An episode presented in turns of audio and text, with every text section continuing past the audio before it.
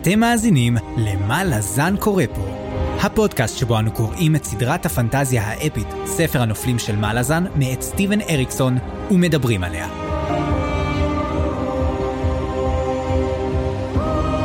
אני צפריר, ואני חיים. והיום פרק מספר 82, שבו אנחנו קוראים את הפרקים 21 ו-22, ונמשיך את החלק הרביעי, הדרך בא לעולם מצעד, בספר אבק החלומות, הספר התשיעי בסדרה. צפריר, אה, היי. היי, מה קורה? הדרך בה לעולם נצעד זה כזה שיר משירי ארץ ישראל של פעם?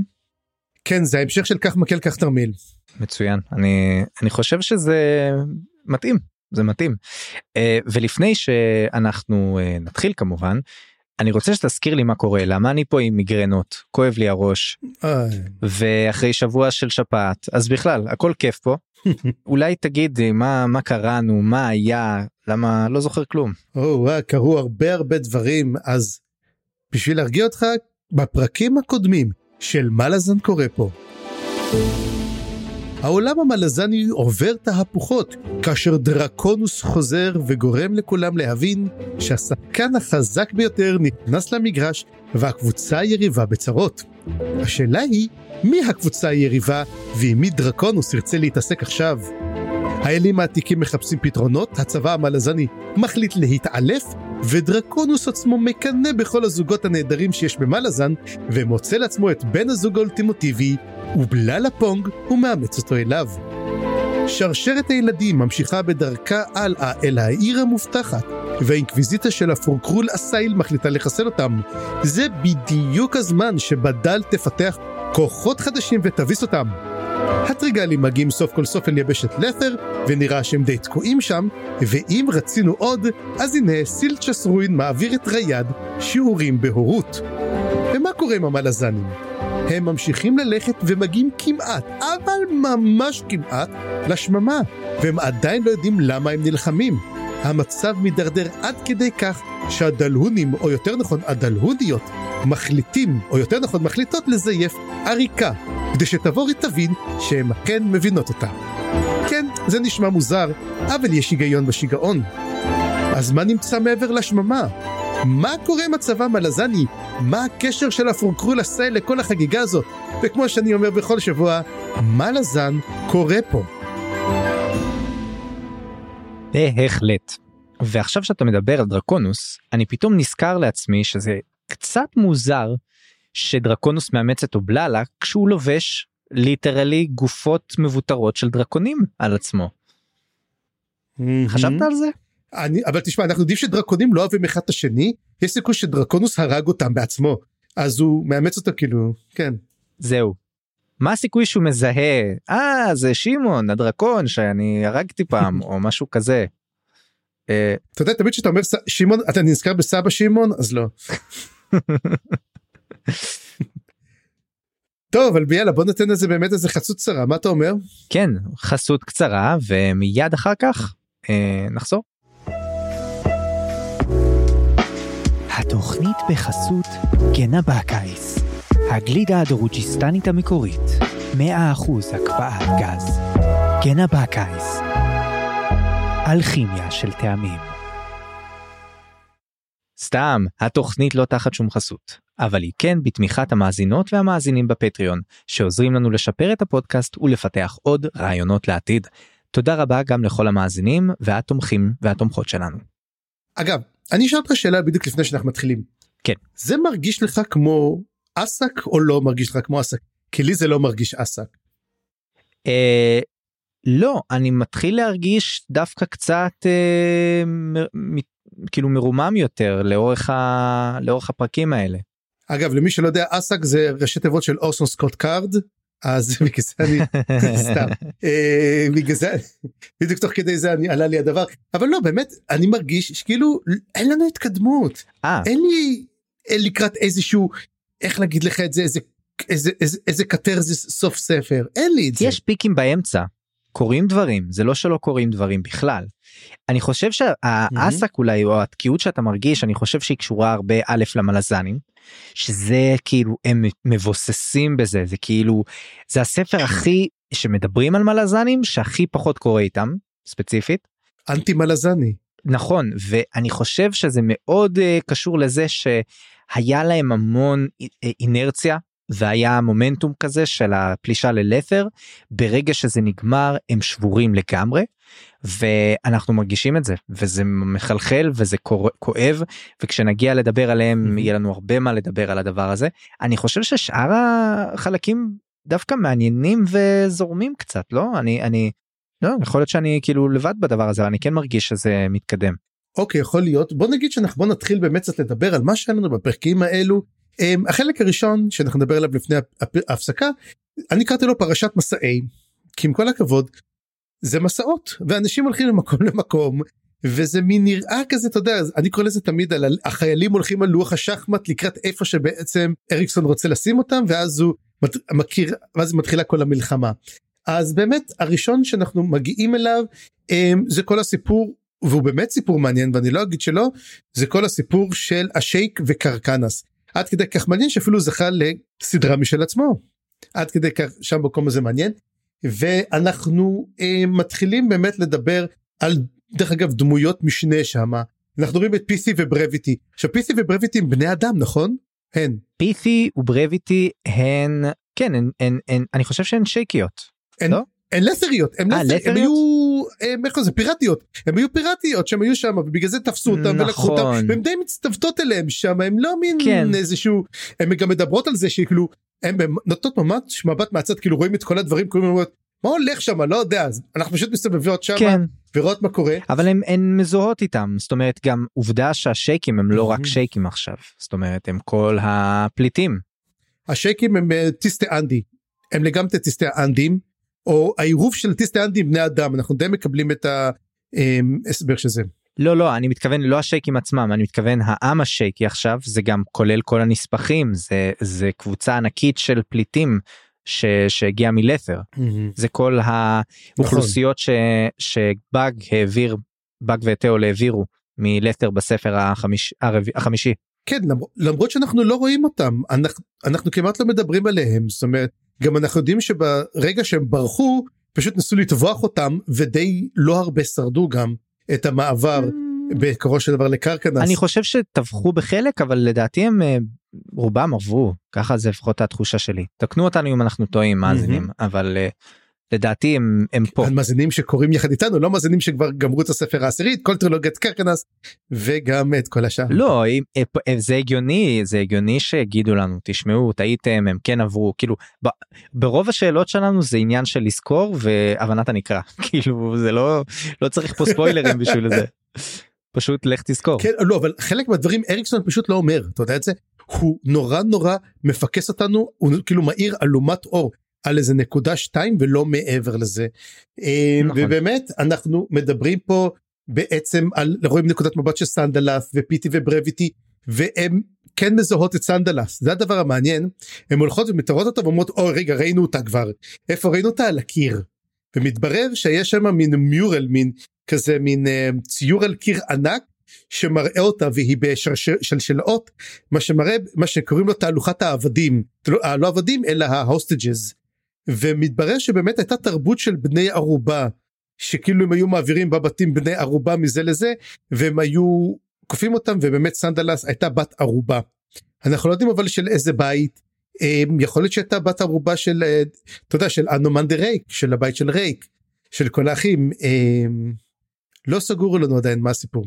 כן וזה אחד הדברים שאריקסון באמת לא הסביר כל כך.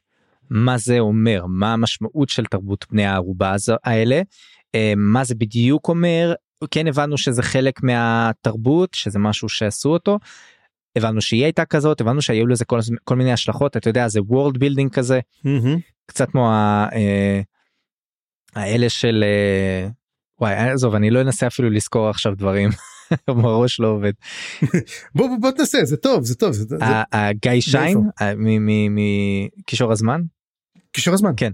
כן אז אז זה קצת מזכיר את זה כאילו מין מין משהו תרבותי כזה של בני ערובה של של ואו זה מזכיר לי במס, במס, בשיר של אש ושל קרח את העניין הזה של wards את, את בני חסות כן בדיוק כן. אז זה, אני חושב שזה יותר יותר עושה לי את ה vibes של ה wards ממשחקי ממשחקי הכס. אמ, אתה יודע שבשביל לערבב בתים אתה יודע אתה הולך להתחנך בבית שהוא זר לך או אפילו אויב לך ואז אתה מכיר את האויב כי בעצם כולכם משרתים את אותה ממלכה כי המלך הוא לא חלק מאותן משפחות אתה יודע. אמ, וזה באמת ראינו את, את הטיון זה באמת סיפור טוב אנחנו יודעים שגם נד התחנך עם, עם, עם רוברט ב, אצל בית ארין בבקעה וכל זה. אבל כן באמת זה מעניין לראות אנחנו ראינו שהיא אפילו שדה של שאלות הרי הלכה עם גלן היא גם מדברת על גלן. היא קוראת לזה הקללה של גלן שהוא עשה לה שייקים. אמ, שהוא למעשה שר להם ופיתה אותם לעבור לעולם אחר ואז פתח את העולם כדי שיברחו ממנו. אז עכשיו השאלה פה עצמה האם גלן הוא זה שבעצם הוביל לעולם המלזני? האם השייקים היו למעשה החלוצים הוונגרד אותו חיל חלוץ שיוצא לבדוק מה קורה שם אה, בשר תותחים בוא נקרא לזה. זה החלק שלא כל כך זה החלק זה אחד החלקים שלא הכי הבנתי ואני רוצה לומר שדווקא מה שכן הבנתי זה שגלן לא בהכרח עודד או גרם להם ללכת מה שהקללה של גלן עשתה זה שהוא טבע בהם הוא שתל את הזרע שהם לא יוכלו להיפטר ממנו שמתישהו יגרום להם לחזור זאת הקללה שלו. הרי לברוח מקרקנס זה היה משהו שכולם רצו לעשות אותו.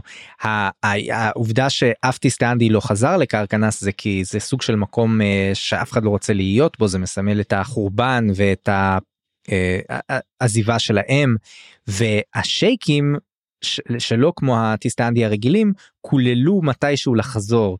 קצת כמו אה, אתה יודע כמו היהודים שהתפללו ותחזינה עינינו משהו כזה ומתישהו בהחלט חזרו כן. אה, אתה יודע רעיונות ציוניים וכ... ו- וזה. אז אצל השייקים הרעיון הזה היה כל כך טבוע בהם שמתישהו יחזרו בדרך התרבות של ה... המידע הסודי שייקית שעבר דרך ה... לא רק זה גם כן. הם, הם קוראים לזה הם קוראים לזה דשור הם רוצים לחזור לחוף. החוף הרי נמצא בקרקנס. אמ, ותמיד הם רוצים כן באמת האמת היא מחשבות ציוניות של השייק אהבתי את זה מאוד. כן. אם אשכח את קרקנס תשכח ימיני אמ, וכו' וכו' וכן ועכשיו בעצם אמ, השאלה פה עכשיו הנה השייק חזרו. ועכשיו השאלה בעצם האמא איך האמא תתייחס אליהם אנחנו רואים דרך אגב שהנוכחות של האמא גורמת להם לכאבי ראש היא גורמת להם לסבל נוראי הם לא יכולים כמעט לדור באותו מקום. השאלה עצמה שהם שואלים את עצמם האם היא הולכת לחון אותם. השאלה שלה למה לחון אותם מה השייקים עשו שהיה כזה גרוע. אמ, נראה לי שהם פשוט חלק מהטיסטאנדי. זאת אומרת כחלק מהפרישה שלה מהטיסטאנדי שהיא צריכה לחון או לא לחון האם היא תחון את השייקים אנחנו מסתכלים על הדברים האלה מנקודת מבטם של השייקים שלא חוו את חזרת האם עדיין uh, כבר חווינו את החזרה שלה מהצד השני uh, אצל הטיסטה אנדי שם ראינו מה קרה באמת עם uh, החבר'ה של נימנדר וכל זה. Mm-hmm. שם היא נראתה כאילו היא, היא סוג בסוג של מצב חנינה אבל פה אנחנו לא יודעים מה, מה זה אומר. זה בדיוק קצת לפני זה אז באמת אנחנו לא יודעים. היחסים של סנדלת כלפיה גם מאוד מעניינים איך שהיא מתייחסת אליה איך שהיא חושבת עליה אה, מחשבות כאלה מאוד אמביוולנטיות ובכלל היחס המורכב הזה בין uh, הילדים לאימם מאוד uh, מעניין ומאוד מורכב ונמשך הרבה ספרים כבר אז זה מעניין. אני אגיד לך מי סטנדי אחד כן. שלא חטף כאב ראש uh, זה אנומן דרק. טוסון? טוסון. אוקיי. טוסון. אוקיי אז אנחנו נעבור על עוד איזה שני קטעים קטנים שם אחד שהוא כזה חמוד שפוליס וסקוויש הקוסמות המכשפות הנותרות בעצם של, של השייק שהן הופכות להיות צעירות ויפות וכיף להם כי הם פשוט שבו את כל הכוח והן גרות באיזה אחוזה שהן נהנות ואומרות תגיד לי איך קוראים לבן אדם הזה דרגנוס אה, טוב בוא נגור בבית שלו וזה הבית של דרקונוס האחוזה שלו אז הם השתלטו עליה. איזה רילוקיישן. כן בוא נגיד ככה שהם כנראה הייתה לו אחוזה יפה כי הם דבר ראשון הלכו עליה אז באמת אנחנו רואים את זה ואז אנחנו רואים שידן דריג חוזר והחרב כן עלתה יש לו את החרב ההאסט. זאת הייתה התיאוריה שלי. ש... שהוא השיג את החרב נכון. כן. והוא בסוף כן החרב כן צפה ככל הנראה אנחנו לא יודעים הוא די חוזר עם החרב. בוא נדבר ככה. אבל כן זה היה חלק הכי מעניין. כי קודם כל מדובר פה על הרבה חרבות האסט. והוא קודם כל הסט זה ראשי תיבות של הסטס שזה מה שנקרא כמו אדון הבית. זה בעצם החרב ההס זה חרב של כאילו ראש בית יש לו את החרב שלו מהמם. שזה כנראה משהו מדהים. והיא מחושלת בדם של דרקונים. כאילו מה הולך שם. ואז בעצם אני שאלתי ואז הפניתי כמה שאלות האם דרגניפור היא חרב האסט וגם האם נקמה החרב של האנדריסט.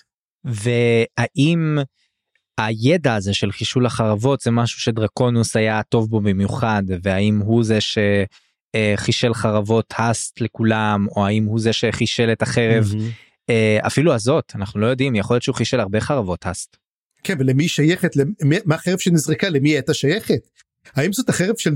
לא דרקונוס הייתה לו דרגניפור זאת הייתה החרב שלו נכון אבל יכול להיות שהוא זה שהיה מחשל את חרבות ההאסט. נכון יכול להיות לגמרי אמ, אז עכשיו השאלה אז מה אתה אומר דרגניפור היא גם חרב האסט האם בכל חרב האסט זה בעצם יש בה משעול כלשהו שאליו יכולות וואי. להגיע או ואז השאלה פה האם נקמה כי נקמה אנומן דירג נהרג על ידי אה, נקמה אם אני לא טועה נכון אה, כן אצל אה, נכון אצל אה, הזר או הנווד אבל אני שואל את עצמי איזה פסיכי זה אם לידן דרג יש עכשיו חרב כזאת הרי ידן דרג הוא טיפוס מוזר הוא טיפוס שאתה מסתכל עליו ואתה אומר יש בו מין זיל כזה יש לו מין את היכולת לעשות את המעשים המאוד אפורים מוסרית. כשלאנומנדר בסופו של דבר אתה אומר בסוף אני סומך עליו. בסוף כמה שהוא מפחיד ואני סומך עליו. ידן דרג אני לא סומך עליו שהוא יעשה את המעשה הנכון עם כזה כוח. למרות שהוא בדס. ושאלה עצמה למה הוא רוצה את החרב הזאת זאת השאלה הגדולה ומה הוא רוצה להשיג איתה. האם הוא רוצה לתת אותה עבור משהו האם הוא הולך לחסל את דרקונוס. מה הוא רוצה בעצם לעשות האם הוא הולך בעצם להילחם באור כל כך הרבה שאלות שאנחנו כנראה נקבל עליהם אולי תשובה לקראת סוף הספר או הספר הבא. וזהו זה בעצם מה שאנחנו יודעים על השייק ובאמת אה, השייקים כל הארק הזה של השייקים הוא אתה יודע אנחנו מקבלים ממנו מאוד מעט אנחנו ככה מקבלים אותו מאוד מוצד אבל הוא מאוד מאוד מאוד מעניין ובאמת אתה יודע זה עושה לי חשק לקרוא את קרקנס אין מה להגיד. לגמרי בא לי ללכת לשם. אה, בוא נמציא קצת זמן בחיים שלנו ונקרא גם את קרקנס וגם את הסדרות האחרות אני בעד. אה, אז קח אותנו למסע אלים. כן אז בוא נבוא בעצם לבא בתור שזה מסיילים. כן אז אמרנו מסעות אז השייקים במסע והאלים פשוט הולכים. אז אנחנו מגיעים דבר ראשון על קלמנדרוס ובוא נגיד פה אה, התיאוריה שלי כן היא באמת פורקרו לסייל. אנחנו מקבלים את זה אבל היא יכולה לשנות צורה ולראות איך שבא לה. אז אה, לא ידעתי שיש את היכולת הזאת לפורקרו לסייל. זאת אומרת זה די פעם ראשונה שאנחנו מקבלים. השאלה אם זה יש את זה לכל הפורקרו לסייל או פשוט לאלים ופשוט היא אחרי שיהיה לה יכולה לבחור בכל צורה שהיא רוצה להיות. שזה מעניין כי נגיד טורודל בריזארד נראה אותו דבר תמיד הרי היה לנו את כל הקטע הזה עם ציורי הקיר Mhm. וזה שהיה אפשר לזהות שיש את, ה, כן. את היצור הזה שתמיד מופיע שתמיד לימינו או לימינה של המלך או המלכה. אז זה מעניין לראות את הדבר הזה יכול להיות שגם הוא יכול והוא בוחר שלא. אה, באג אנחנו יודעים שהוא משנה צורה או, או מראה הם, אני חושב שהם יכולים הם פשוט לא עושים את זה. תראה הם לא חייבים לראות זקנים. באג נראה זקן הוא לא חייב. זאת Mhm. אומרת אה, גם פיזבן פיזבן גם כן נכון. אני חושב שזה הפודקאסט הלא נכון שאנחנו מדברים על רוב החדרקות אבל כן לא נורא תקבל בונוס בכל מקרה. ייי בונוס אז בוא נלך בעצם. לתגלית הראשונה שאותי באמת הדהימה על נקלס רמנו היה אל המזל טוב אז הוא אמר כבר נמאס לו מלהיות הזה אז הוא יצר את האופון את, הוא קורא להם אופונאי כמו יצורים כאלו את האופונים הוא יצר את התאומים האלו כי שיקחו ממנו את העבודה הזאתי ולמעשה התאומים האלו הם סיומת אי זה לא זוג? אה, אני חושב שזה אופון, אה, אופון לאו דווקא. זה כמו בלטינית. אה, יכול להיות שזה כמו בלטינית, אבל אני לא חושב שמדברים לטינית במלאזן, אז אה, זה יכול להיות, אבל העניין הוא פה שבאמת זה נכון, גם לא אנגלית אבל כל הספר כתוב באנגלית. זה תרגום, אז יכול להיות שגם תרגמו את זה ככה ללטינית, אז זה גם כן יכול להיות. אז זה בעצם ה... ש... הדבר שמגניב הוא שהאופונים הרי הם יוצרים של נקלס, ואופונים הם הרי מהאלים החדשים כביכול. אז השאלה עצמה, האם למעשה כל האלים החדשים הם למעשה הילדים או היצירים של האלים הקדומים?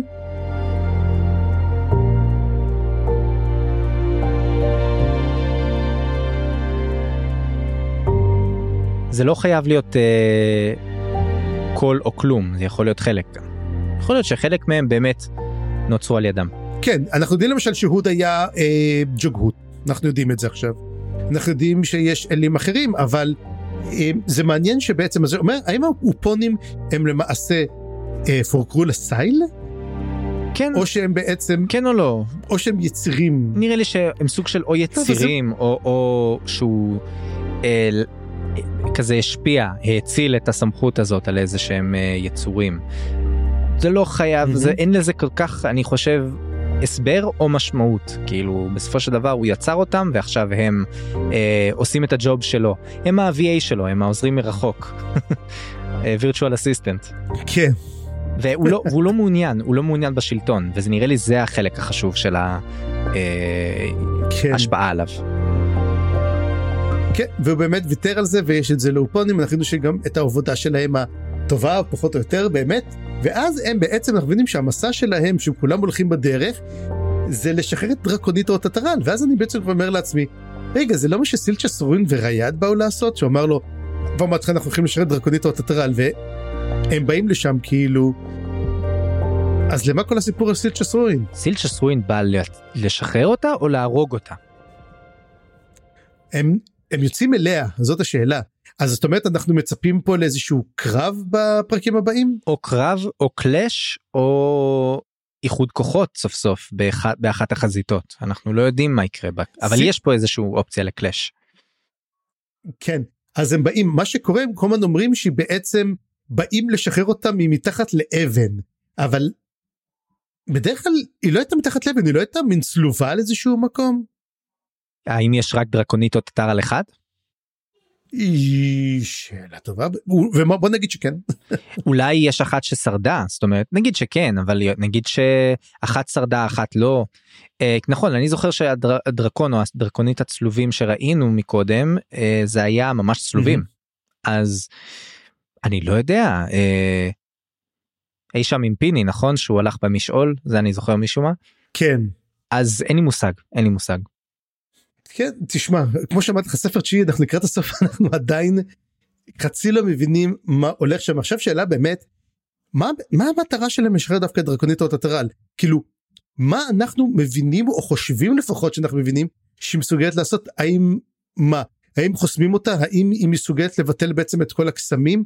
האם זה, בוא נגיד, האם זה טוב או רע לאל הנכה? אני אני חושב יש פה איזשהו משהו שקשור למלחמה באלים החדשים סלאש קרול. כי קרול הוא אה, הביא את הקסם לעולם נכון את המשעולים דרך הדם שלו הקרבה שלו אז אולי נשאלת השאלה מה יכול להשמיד את הקסם הזה. מצד אחד יש לנו את האל הנכה שכביכול מרעיל את קרול או לא על זה היו השיחות של האלים לפני כן.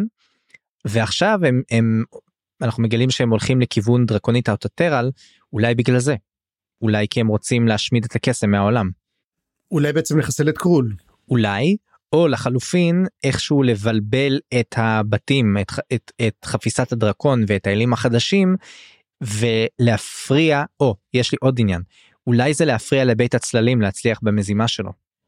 שהרי הם רוצים להרוג את האלים. אז בעצם מדובר בעצם על קרב הישרדות של האלים העתיקים מול האלים החדשים. למעשה הם שולפים את הקלף שלהם שהוא בחפיסה שזה דרקון או טטרל שבעצם כל האלים החדשים די בנויים על קרול. זאת אומרת אין לאלים החדשים כל סיכוי להתקיים דוגרי בלי קרול. אבל צפרי אנחנו יודעים איך זה נגמר הרי. זה אלים אמריקאים של ניל גיימן. אה לא אהבתי. אוקיי אבל ככה זה נגמר אז אני אני חושב שזה לא ספוילר כי זה לא אומר כלום. בכל מקרה זה מזכיר לי את אלים האמריקאים של אה, ניל גיימן ואני קצת כן אהבתי את זה. אבל זה זה קונספט הרי של אלים חדשים מול אלים עתיקים. ואנחנו בעצם אה, כמו שפה זה כמה דברים שאתה כתבת פה גם כן שהאל הנכה תפס מקומה של מישהי אתה אומר. כן זה מה אה, שהם מדברים אני לא הבנתי את זה. של מי? אני חושב שהם של ברן אני חושב של ברן. של ברן כזאת שמחזיקה את האל הנכה. כן. כי הרי עכשיו אנחנו רואים שעולה רתיל אם היא אכן ברן משוחררת ומסתובבת לה מהמם. אז uh, הגיוני שמישהו צריך להחזיק את האל הנכה כבול עדיין אז למי כבלו אותו אם לא לברן? אבל אנחנו יודעים שהוא כן כבול לברן ואנחנו יודעים אבל היא התעוררה לא ברן היא השתחררה אז זו, זאת השאלה האם אולר אתיל היא אכן ברן או שהייתה ברן בגלגול קודם שלה. כן, אה, כן יכולות להיות פה המון אופציות שאנחנו לא מבינים uh, בהחלט אבל הגיוני לא זה לא ברור שיש הסכמה גם אצלם על כל הדברים האלה הם כאילו סוג של מתווכחים על העובדות האלה אז אני לא יודע אבל הייתה תחושה שמישהי הוחלפה על ידי קירול וארסטס מתכנן להציע לה חופש. או אופציה אחרת מי שהאל הנכה מחליף אותה. אה האל הנכה מחליף אותה אוקיי אז האם האל הנכה לא הבנתי את זה נכון האם האל הנכה החליף בעצם את דרקונית האוטוטרל לא נראה לי שהוא מחליף אותה כי או שהאם האם בעצם ברן עצמה אה, איפה בנוגע למה להשחתת ברן? האם ברן תמיד צריכה להיות מושחתת? הם לא כן we all live in peace. זאת זאת השאלה אבל טוב, זו שאלה באמת טובה בעצם כל הסיפור הזה. זה באמת קטע לא כל כך מובן. גם כל השיחות של האלים מדברים ככה על דברים ואתה אומר לעצמך חצי מהדברים שלהם אני מודה שאני לא מבין ואז בסוף אתה כתבת שמגיעים לאחותו של נקלס זה אני לא זוכר זה זה הטוק טוק טוק שלה זה הקליפהנגר של הסוף הם כזה טוק טוק טוק אנחנו הולכים לאחותי משהו כזה. אה, לא לא יודע אה, נראה אחר כך לך תגיד שאין לך אחות גם נו לא אבל זה גם יכול להיות אה, מין תואר אה, כבוד סלש חיבה סלש קרבה כזה זה לא חייב להיות שהיא באמת מהמם. אחותו אבל כן וזה בעצם מסע האלים קטע מאוד מוזר בוא נגיד ככה שהוא מאוד מאוד נחמד כי הוא מוסיף המון לור וכל הדברים האלו אבל אתה יודע נראה שאפילו האלים עצמם לא יודעים מה הלור הנכון ומבלבלים אותנו יותר. כן אנחנו גם יודעים שאין להם אה, ידע בלתי מוגבל עובדה שהם כל כך קל להערים אחד על השני בשבילם הם גם אנחנו מקבלים הרבה מנקודת מבטו של ארסטס שאנחנו יודעים שכבר נשאר מאחור אה, ולא מעודכן כל כך בהרבה דברים וזה לא כל כך עוזר לנו אז אני כבר מחכה לה או פוסט בדיסקורד של שטסמן או, או משהו אחר כדי אה, לקבל איזשהו סדר בדברים כי נראה לי שבלבלנו פה את השכל כהוגן. כן אז באמת אחרי שאנחנו רואים את כל הסיפור פה אנחנו מגיעים לקטע מאוד מצחיק מאוד מעניין שמסביר לנו המון המון הרבה על טלורס וקרדל. אז טורנט ואולר אתיל פוגשים אותן ומתחילות לדבר כמובן את כל הסיפור הזה ואז אנחנו מבינים מי בעצם זה טלורס וקרדל שהם היו בן אדם אחד. שזו טיסטי אנדי אחת שהיא בעצם דיברס שהפכה לשתיים. allegedly. אבל הדיברס allegedly עכשיו הדיברס עצמם הם יש להם אה, קללה הדיברס ומה שמדובר גם על סולטקן וגם על דיברס הם בעצם מקוללים. למעשה הם הופכים להיות מטורפים עד שהם לא יכולים לעצור את זה ואז אה, אנחנו גם מגלים כל כך הרבה דברים פסיכיים דבר ראשון הם התפצלו לשתיים הטיסטי אנדי הזה הם ניסו להשתלט על קורלד אמורלן זה כבר ידענו נכשלו ואז אדג' ווקר אה, נתן להם בחירה. עכשיו אנחנו מבינים סוף סוף מה התפקיד של אדג' ווקר. עם כל הכבוד אדג' ווקר זה השומר של ממלכת הצללים ובגלל זה הוא לא אוהב הוא לא אוהב את איך קוראים להם את אה, את דנסר ואת קלנבד. כי הם די נכון. הצליחו לעשות את זה ודי עקפו אותו בסביבוב והוא לא יכול לעשות כלום נגד זה. אז הוא בגלל זה הם תמיד מנסים להתרחק או שתמיד מנסה להגיע אליהם והם די בורחים ממנו כל הזמן והוא לא משיג אותם לנצח. זה מין מרדף כזה בלתי נגמר. כך תמיד רואים את אדג' ווקר מגיע ועושה את זה. ואז אדג' ווקר נותן להם בחירה אומר להם תשמעו או שאתם הולכות לדרגניפור או שאני כולא אתכן. וכמובן שדרגניפור אמרו לא אנחנו לא מוכנות אנחנו נשארות פה. ונקלעו ואנחנו מגלים ששחרר אותם דסמבלקיס שחרר אותן. אה, אבל הם עוד פעם נכשלו ועוד פעם נקלעו ואז בעצם אה, זאת הייתה אה, ככה נתפסו עד שהגיעו בעצם וכל הסיפור שהלכו על העצמות שעשה אורקו קראסט בביתה שלו הקטנה. אני תשמע זה אה, היה כיף לקרוא על זה כי זה היה כיף וסוף סוף אתה קצת מקבל דברים ואתה מבין קצת ואתה מגלה אבל אחד הדברים הוא באמת לדעת זה שדרקונוס יצר את הדיברס ואת הסול טייקן. כאילו מה הוא לא יצר הבן אדם הזה? תגיד לי הוא לא נראה לך מין over god כזה שהוא לגמרי יכול להיות אפילו אב האור או משהו ברמה הזאתי בהחלט בהרבה פנתיאונים יש לך פשוט אלים ששווים יותר אין מה לעשות Mm. ודרקונוס הוא אחד מהאלים האלה שאתה אומר לעצמך נכון בהתחלה אתה שם את כולם באותו סל של אלים עתיקים מהמם. אבל יש אלים עתיקים ויש אלים עתיקים אז uh, זה ממש גורם לך לחשוב על, על סדרי הכוחות בעולם הזה ואתה עדיין גם בספר 9 מקבל דברים שמסבירים לך הרבה דברים אחורה למשל השיגעון של הדיברס פתאום מהמם. קצת מאיר לגמרי אחרת את dead house gates לא? את נתיב הידיים למה הם רוצים את הדבר הזה כל הטירוף שלהם וכל הסיפור עם האזף מראה שאלה גם כי כמה בעצם דרקונוס הוא קיים עם האזף ואולי בעצם ההגשמה הגדולה ביותר האם דרקונוס זאת ההתגשמות של היקום עצמו אוקיי שמנסה, זה- שמנסה לשמור על סדר כן נבין לך כזה דבר. תזכור שדרקונוס כבר הגיע לטיסטה אנדאי זאת אומרת הוא הגיע לקרקנס עוד לפני זה ואמרו מי הוא בכלל? אמרו הוא לא ידעו מי הוא היה מין זר הוא כאילו התחבר אליהם והוא די היה מין אתה יודע הוא הת- התחבר ואמרו הוא אליינט הוא לא אליינט. הוא סאורון. זה פודקאסט אחר אתה מבלבל בפודקאסטים היום חיים. אה, כן. תראו אנחנו סיימנו עם סילמריליון וזה עדיין נשאר תשמע אם כבר הוא יותר ברמה של מורגות מס- מאשר הוא ברמה של זה ופרסמת את הסרטון הזה שראיתי עם הפיץ' מורגוס אז כן ככה צריך להגות. אמ, אז זהו זאת, זאת, זאת באמת השאלה אבל הבום הגדול וזה אתה יודע זה מה שנקרא hidden in plain sight זה כל מה שעשתה בעצם עולה רתיל שמגלה את זה בעצם טורנט שהוא מדבר על כל הקטע שהיא עשתה עם, עם התלה נמאס ואז הוא אומר לה למה עשית את זה להם ואז הוא אומר רגע כל הטקס של התלה נמאס היה למענם זאת הייתה הקללה שלה. את בעצם התנקמת בגזע שלם. וזאת קללה איתה זה לא שהם עושים את זה בשביל להילחם וזה היה קורבן. היא עבדה עליהם היא בעצם הפכה אותם לעבדים. ותשמע זה מטורף הסיפור הזה שאתה מגלה שלמעשה כל הסיפור של זה זה הייתה בעצם קללה ומה עשו עם מס שהגיע להם הקללה הזאתי. אני חייב רק לצנן אותך טיפ טיפה כי את כל המידע הזה אנחנו מקבלים מטורנט שלא כל כך מבין בדברים האלה. זאת אומרת הוא נותן את הדברים מנקודת מבטו והאידיאולוגיה שלו וה, והמדע העמדות המוסריות שלו. הוא כן יש לו תפיסה חדה והוא כן אנחנו מגלים יותר ויותר כזה יודע לעמוד על שלו ובכלל זה נחמד לראות את היחסים שלו פה עם אולר רסיל וגם את זה שקירדל וטלורסט מחליטות להצטרף אה, לאמץ אותו או שהוא מאמץ אותן בעצם זה נחמד לראות את החילופי דברים פה והוא מאז הכאפה נראה לי רק מקבל עוד ועוד נקודות בונוס פה. ואני אני לא יודע כמה לסמוך על הדבר הזה זאת אומרת יכול להיות שמנקודת מבטו זה נראה ככה אבל אני לא יודע להגיד אם לא היה להם חלק בזה. אני מקבל את זה אבל אני יכול להגיד שגם כן שאנחנו מדברים על התלה נמאס והתלה נמאס אה, מדברים בינם ובין עצמם אנחנו די מבינים שזה נכון הם די הם תראה יש כאלה שאומרים וואו זה מגניב שאנחנו יכולים לעשות את כל זה אבל כמו שאומרים הקרב של התלה נמאס לא אמור להיות נגד הג'גהותים זה נכון שהג'גהותים שעבדו אותם והתחזו לאלים ועשו את כל הדברים האלו אבל למעשה הג'גהותים לא היו איום. היו איזה כמה שעשו את הפאקים אבל לא זה. עד כדי כך זה היה שיש ג'גות שיש אפילו תלה נמאסים שלא מכירים אפילו את הג'גהותים לא יודעים כל הדבר הזה.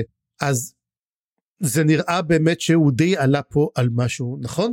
אבל כמו שאומרים אמ, איך כמו שאתה אומר בעיני המתבונן וזה אחד הדברים שגם אריקסון עושה יפה נותן לנו להסיק חלק על מה שקורה. כן ואם הזכרנו תלה נמאס אה, בוא נעבור לדבר על תלה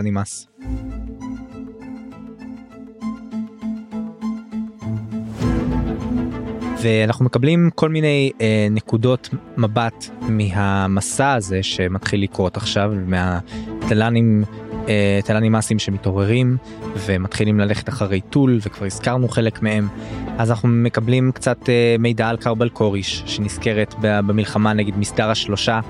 אני לא הבנתי מה זה מסדר השלושה.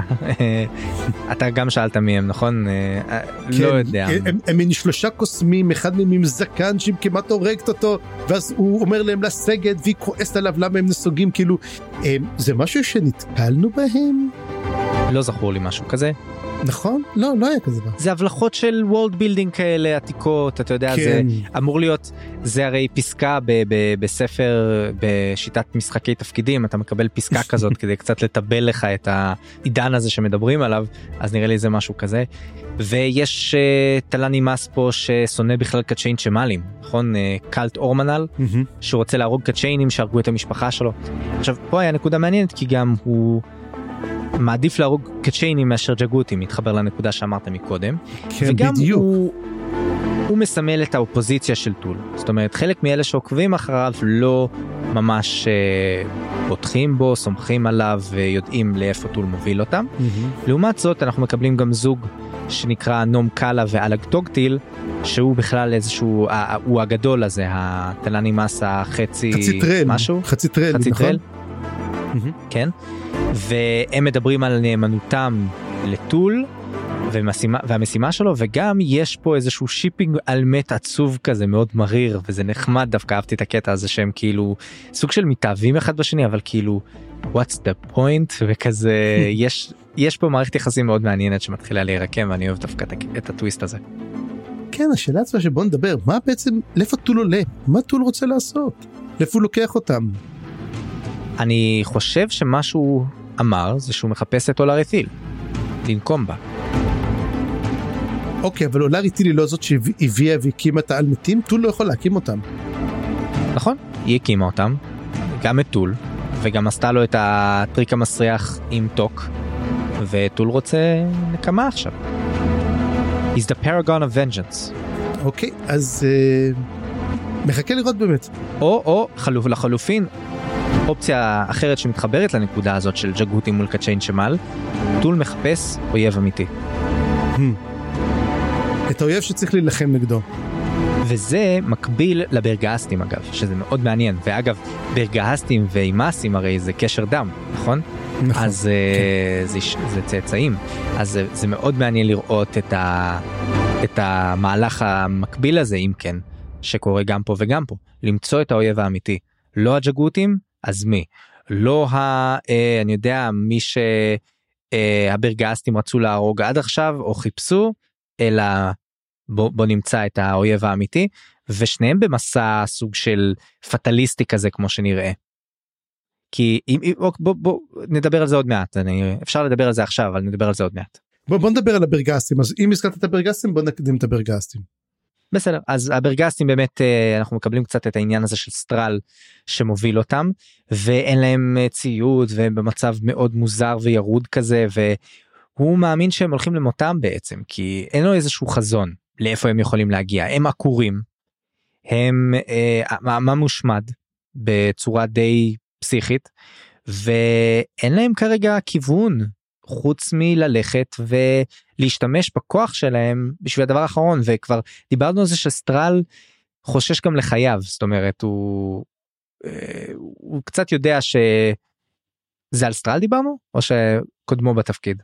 לא, סט, סטרל, סטרל עצמו הוא זה ששרד, כל השאר מתו.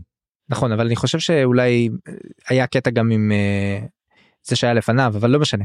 בכל מקרה לא שמח שם ואני חושב שמעניין לי לראות לאיפה הם יתגלגלו אולי לקולנס אולי למקום אחר אה, כי הם הרי מתקדמים מזרחה כן, אבל השאלה למה כולם מתקדמים מזרחה? כאילו אני מבין שזה נכון עלילתית, אבל למה, למה הם לא חוזרים מערבה? למה הם לא חוזרים לארצות של. אתה יודע, של הלתר או משהו כזה, הרבה יותר פוריות, למה ללכת על השממה? אני חושב שזה מין כזה אין להם לאן לחזור תחושה שכל דבר עדיף מאשר לחזור או, או הכל נשרף ב... בעבר שלהם לא יודע משהו כזה אתה צודק זה מהמם. לא ברור זה לא מוסבר אבל אולי משהו כזה. אוקיי ונעבור לחלק קטן של שורק אלאל שורק ופלאש שהרי קצת עזבנו אותם לכמה פרקים ששטות לכיוון אה, קולנס ומדברות יש להם שיחות ארוכות וזה מגניב קצת לראות את השיחה ביניהם אבל תכלס יותר מדי ארוך הן לא מפליגות לקולנס, הן מפליגות לספינרד, לב, לבולקנדו הן מפליגות. צודק צודק ספינרד נכון. אה, מחזירה כאילו את פלאש הביתה לא, איזה ספינרד? בולקנדו, בולקנדו. כן, כן. והאומנת סלאש מרגלת של פלאש אנחנו מגלים שהיא סוג של ידונית כזאת והיא מוסרת להם שהם הן עומדות להגיע לש... זה כבר לא להם יש שיחה פרטית בינה לבין פלאש והיא מספרת לה שהן עומדות להגיע לשממה ושצריך לצאת צפונה. אה, ואנחנו מדברים על היסטוריה של קולאנס שהיא הייתה שקטה במשך חמש שנים ומבינים שצריך להזהיר את הברסטל ואז מתח... יש שם קטע שהן עושות כאילו מתחילות לעשות טקס בשביל לדבר עם מהל לעשות איתו עסקה או משהו כזה. אה, לא הבנתי את הקטע הזה לגמרי והן מזכירות את זה שהמחכה בסכנה. יש לך מושג רעיון שביב של uh, תקווה בשבילי מה זה המחכה? הילד נכה, הילד נכה אני חושב. אוקיי אוקיי אבל למה זה רע שהוא בסכנה? כי כולם יוצאים נגדו זאת אומרת אנחנו צריכים להבין שיש שם מין כת שנוצרה בקולנס עבור האל הנכה הלב שלו הרי נמצא שם וזה המרכז שלו. ומשהו קרה בחמש שנים באמת אנחנו יודעים שהפך להיות המקום מונוטואיסטי הפך להיות הפך להיות אה, אבל לא שומעים כלום. חמש שנים מין מתחילים להתכנס בתוך עצמם.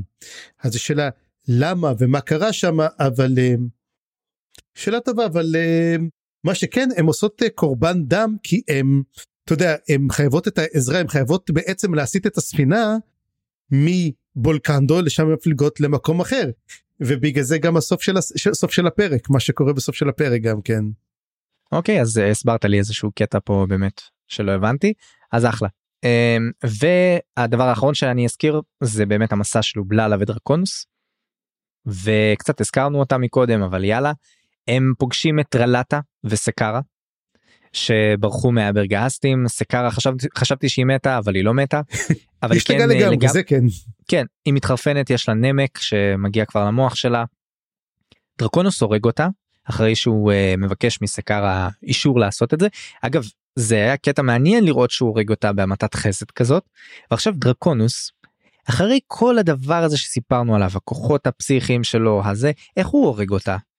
הוא מסובב לה את המפרקת. Mm-hmm. וזה לא קצת זה מצד אחד זה out of character נראה, נראה לי סוג של כזה אם אתה אל כל כך חזק אם אתה זה מצד שני יש בזה משהו סופר אריקסוני כזה סופר מלזני של אתה יודע זה הכי פרקטי למה עכשיו להתחיל לעשות איזשהו טקס אני יודע איזה משהו אה, אה, שמצריך פשוט סובב לה את המפרקת כאילו ו... זה, זה הרג אותה די מהר זה, זה לא שהוא דקר אותה שאב את הנשמה שלה לתוך מה לא שבר את המפרקת הוא עשה את זה בצורה הכי פשוטה בסיסית וכן. אה, זה ממשיך לבנות לנו קצת את הדמות של דרקונוס אני חושב גם mm-hmm. uh, המעשה הזה לדעתי הוא באמת עושה את זה מתוך סוג של חסד זה קצת ממשיך את הדמות שלו שראינו מתוך דרגניפור שהיה לו מין חמלה כלפי יצורים. לפחות ככה זה נראה ומרגיש. אז אה, וזה זה מעניין לראות דמות כזאת אה, לוקחת את, ה, את העמדה הלכאורה מלאת חמלה. ורלטה לעומת זאת חושבת שלא נשארו עוד ברגאסטים ו... היא במצב די ירוד ודרקונוס אומר דווקא מספר לה שהוא כן ראה את הכמה אלפים וזה מתחבר לנו באמת למסע של הברגאסטים שדיברנו עליו מקודם על סטרל והחבורה של הסנן וייתכן שבאמת אה, סקרה הולכת לכיוון סליחה לא סקרה שרלטה באמת הולכת לכיוון אה, הזה והולכת לחפש אותם. כן א' זה אומר לנו גם קודם כל איפה נמצאים אובללה ודרקונוס. אז אנחנו יודעים שהם קצת לפניהם אנחנו רואים שהם די כולם אתה יודע במקביל כזה מין תחשב שורות כאילו מתקדמות לכיוון השממה? מה שכן אתה שמת לב שכל פעם אה, דרקונוס יכול ליצור דברים יש מאין? והוא בלה לא, לא קולט את זה אומר לו תשמע אה, אומר תשים קצת עצים בזה. אומר איזה עצים? אלו שפה. אה נכון וואלה יש פה עצים. ו- ומה עם האוכל? הנה יש פה אוכל. אה נכון יש פה אוכל. כאילו זה, זה הראנינג גג כאילו ש, שהוא כן. שהוא בלה לטמבל אבל פה הוא עושה את זה מצחיק. זה יותר מזה כי הוא מבקש ממנו משהו מאוד ספציפי דרקונוס מייצר לו את המשהו מאוד ספציפי הזה ואז אובללה מאמין שהוא מצא את זה לבד. כן. אז זה מראה דווקא כמה שהם זוג נורא נורא נורא מתאים אחד לשני. כן. אז זהו צפריר נראה לי סיימנו את החלק הראשון נעבור להפסקת פרסומות קצרה ונחזור אז יישארו עמנו. There are times when you just need something to take your mind away from it all. There are times when only a dark, strong drink will do.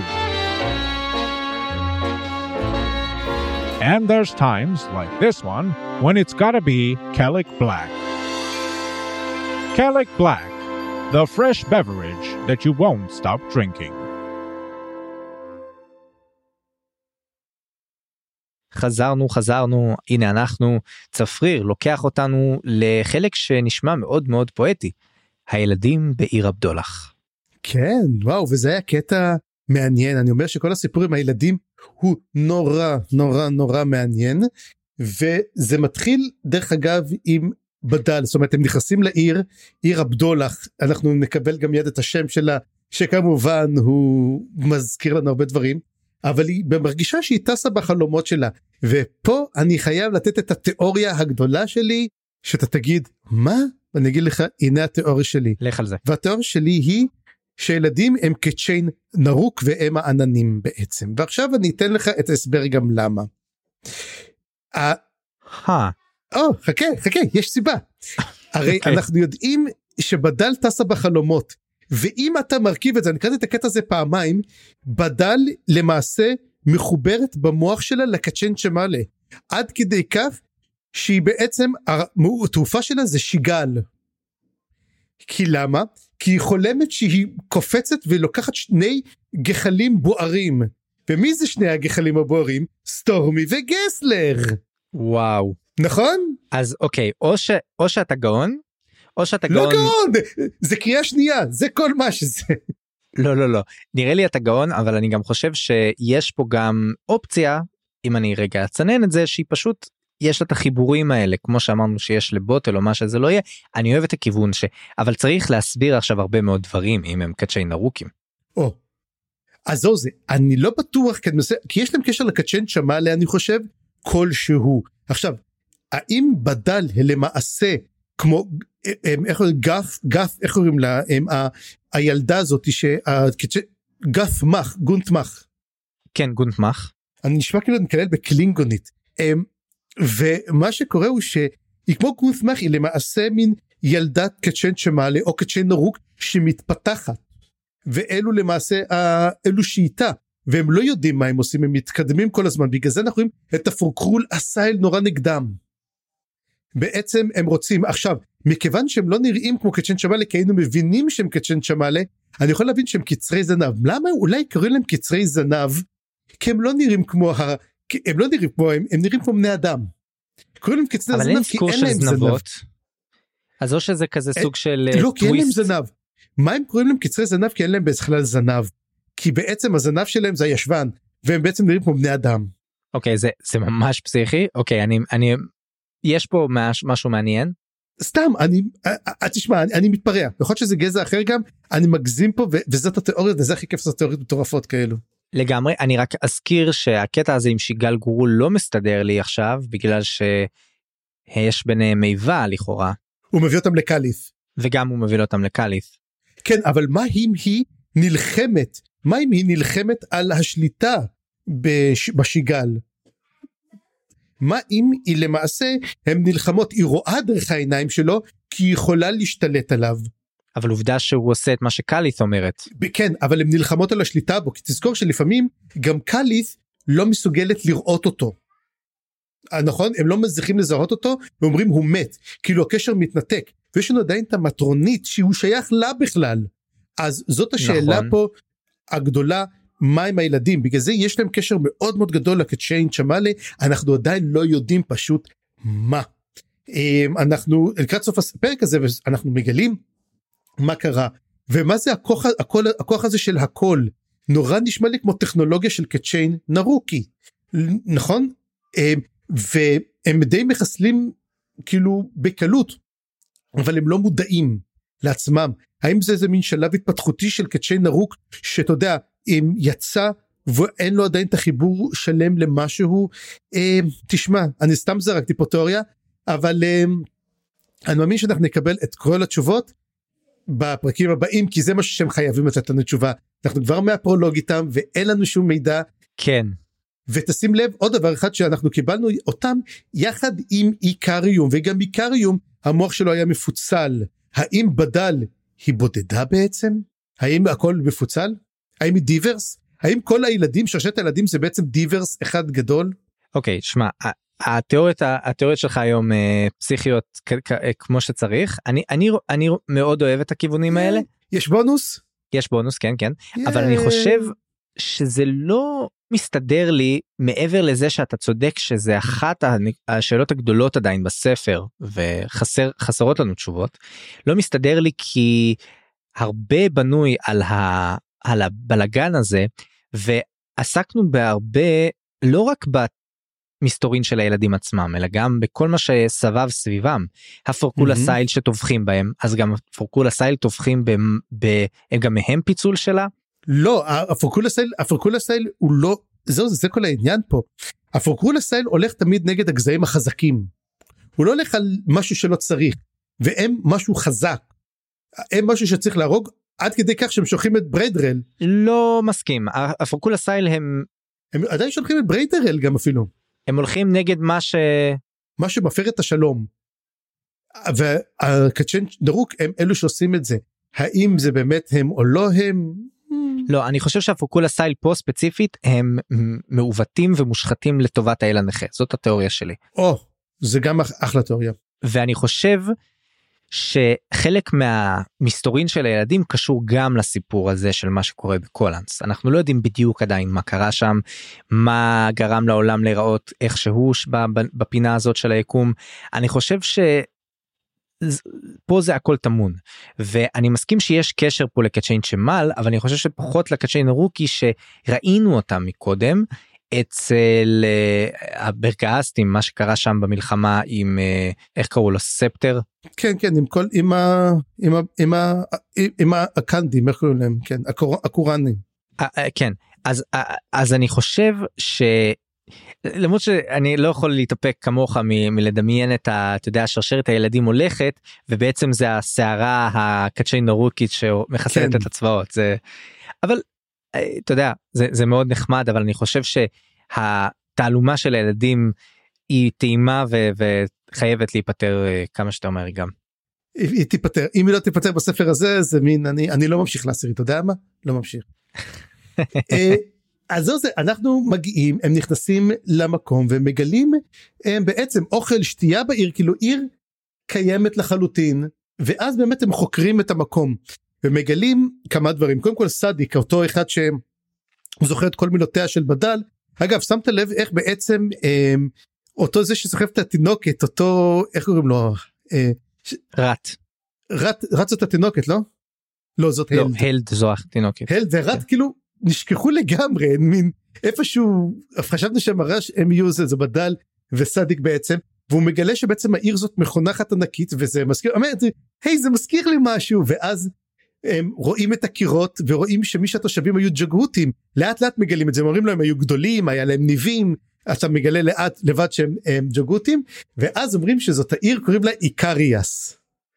תשמע זה היה נהדר ואמרו שהיא שם עיר של um, שלום ודו קיום וגם כצ'מאלי היו שם זאת אומרת. כן זאת עיר יש שבעצם פסלים גם של זה ורואים את זה ב- נכון. באמנות ובבנייה שלה וכולי. אה, כן. ויש לי פה תיאוריה קטנטנה צפריר. תן אז העיר קרויה איקריאס כנראה כמו שהבנו על שמו של איקריום יש פה מכונה על המכונה הזאת אגב יש איזושהי הערה שזאת מכונת הזיכרונות שלו. ולדעתי זאת הנקודה פרה הבעיית הזיכרון של איקריום. פרה הקללה שלו. וזה אולי רגע השיא שלו השיא של חייו של אה, איקריום שהוא היה ממש ב... כנראה השליט של העיר, הזאת כנראה זה שהקים אותה ובנה אותה סביב המכונה שלו. זה מתחבר לנקודה עכשיו שהוא אה, הולך בעצם והופך להיות סוג של מטרונית או סוג של מתחבר למכונה של, ה, של הקצ'יין שמל במקום אחר בינתיים. אבל אה, אני טוען שהירידה שלו מגדולה קשורה לחורבן של העיר הזאת. לדעתי המכונה שלו התפוצצה והרסה את העיר, או הרגה את מי שהיה שם, וזה גם מה שגרם לו אה, ללכת להסתובב, ומאז הוא, הוא בעצם הפך להיות האיקריום שאנחנו מכירים. יהיה מעניין מאוד לראות אם איקריום יחזור לאיקריאס ומה יהיה שם יהיה מאוד מעניין לחזור ואנחנו רואים הם, את בריידרל אותה פורקרו לסייל אה, נכנסת אל העיר היא שרדה את מה שקרה והיא עוקבת אחריהם והיא רואה בעצם את בדל סוחבת חרב של בדולה. עכשיו מאיפה מאיפה בדל השיג את החרב הזאת? זה מין שביב כזה מין אה, אה, הרי העיר הת- התפוצצה או התנפצה כן. והיא עיר בדולח אז לדעתי זה היא לקחה חלק ממנה והיא בוהקת באור חזק מאוד וזה כאילו היא, היא זה לא באמת חרב היא לקחה את השבר כן. הזה וליפפה אותו עם משהו ו... אז היא תופסת היא מוצאת את בריידרל היא מוצאת אותה מסתכלות אחת לשנייה היא רואה היא משתמשת באותו קול שלה ובעצם היא עושה את זה אז החרב מתחילה לזהור גם כן תוך כדי יכול להיות פשוט אתה יודע כמו שאמרתי מכוח יש קסם של קול שכנראה יכול להיות אתה יודע להרמוניות כלשהן והרסיס בדולח הזה מתחיל לבעור ממש לזהור. בריידרל בורחת כמובן לא מצליחה להתמודד עם זה ואז היא אומר לסדיק איך את הולכת לקרוא לחרב אז היא אומרת היא קוראת לה אש פייר. אמ, מהשמות היותר אה, מקוריים אני חייב לומר בשביל חרב. כן, להגיד לך כמה היה לי התאכזבות מזה איך את הולכת לקרוא לה? אש. כזה מין. לא אני אני דווקא אוהב את זה שזה כאילו מה האמתלה שהיא קוראת לה בשם בכלל זה היא נזכרת באגדות ובסיפורים של החרבות מהמם. אה, זה תמיד יש שם. ואז היא כזה ילדה עדיין אז היא קוראת לה אש למרות שהיא אמורה להיות אה, רב מגית של מילים אתה יודע כזאת אה, זה אבל לא יודע בכל מקרה כן אז בוא באמת אנחנו כבר דיברנו על סטורמי וגסלר אז קח אותנו לשם.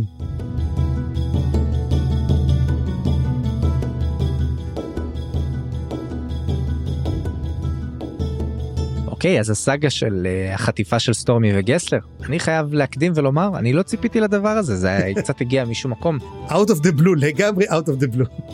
כאילו בא מהשמיים חתך לי את האוהל ותפס אותי לא מוכן אתה מבין? אה, אני לא ושיגל גורול ממלא הרבה תפקידים אה, מאחורי הקלעים פה אתה יודע זה כזה אתה אריקסון השתמש בו מהמם. לכמה מהלכים אה, מוזרים עם הטריגלים וזה ו... ומה מסתבר גם ששיגל גורול כן פועל לפי מצוותה של קאליס שזה שזה מעניין כאילו הוא כן משחק לכיוון לא יודע אם זה מצוותה של קאליס או יותר מה שהמטרונית מהמם. ציוותה על קאליס אבל הבנת מה אני מתכוון הוא, הוא כן player כאילו הוא כן משחק איתם.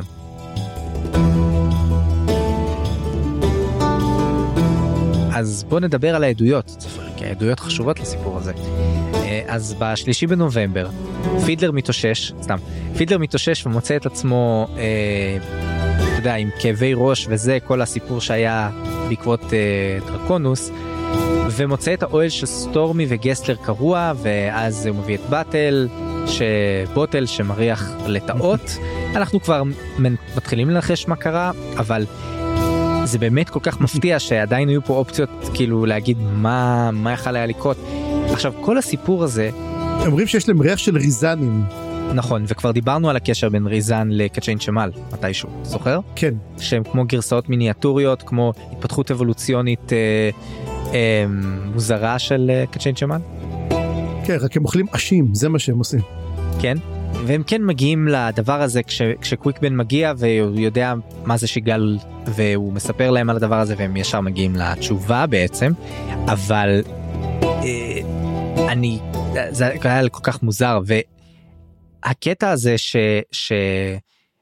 משתמשים בדבר הזה עכשיו בשביל גם קצת לפתח פה את המתח בין המלזנים לגבי המורל שלהם והעניין הזה של העריקות שסטורמי וגסלר אם הם עורקים אז בכלל יודע ובוטל משחרר את האופציה הזאת בצורה קצת אה, בטעות כזה אבל זה משחק מאוד לעניין הזה במיוחד שנדבר עוד מעט גם על בליסטיק וגם כמובן אנחנו זוכרים את ההיעלמות מהמם. של הדלהוניות מקודם אז יש פה כאילו אתה יודע זה זה זה ממש לא סתם הסיפור הזה מגיע עכשיו אני חושב.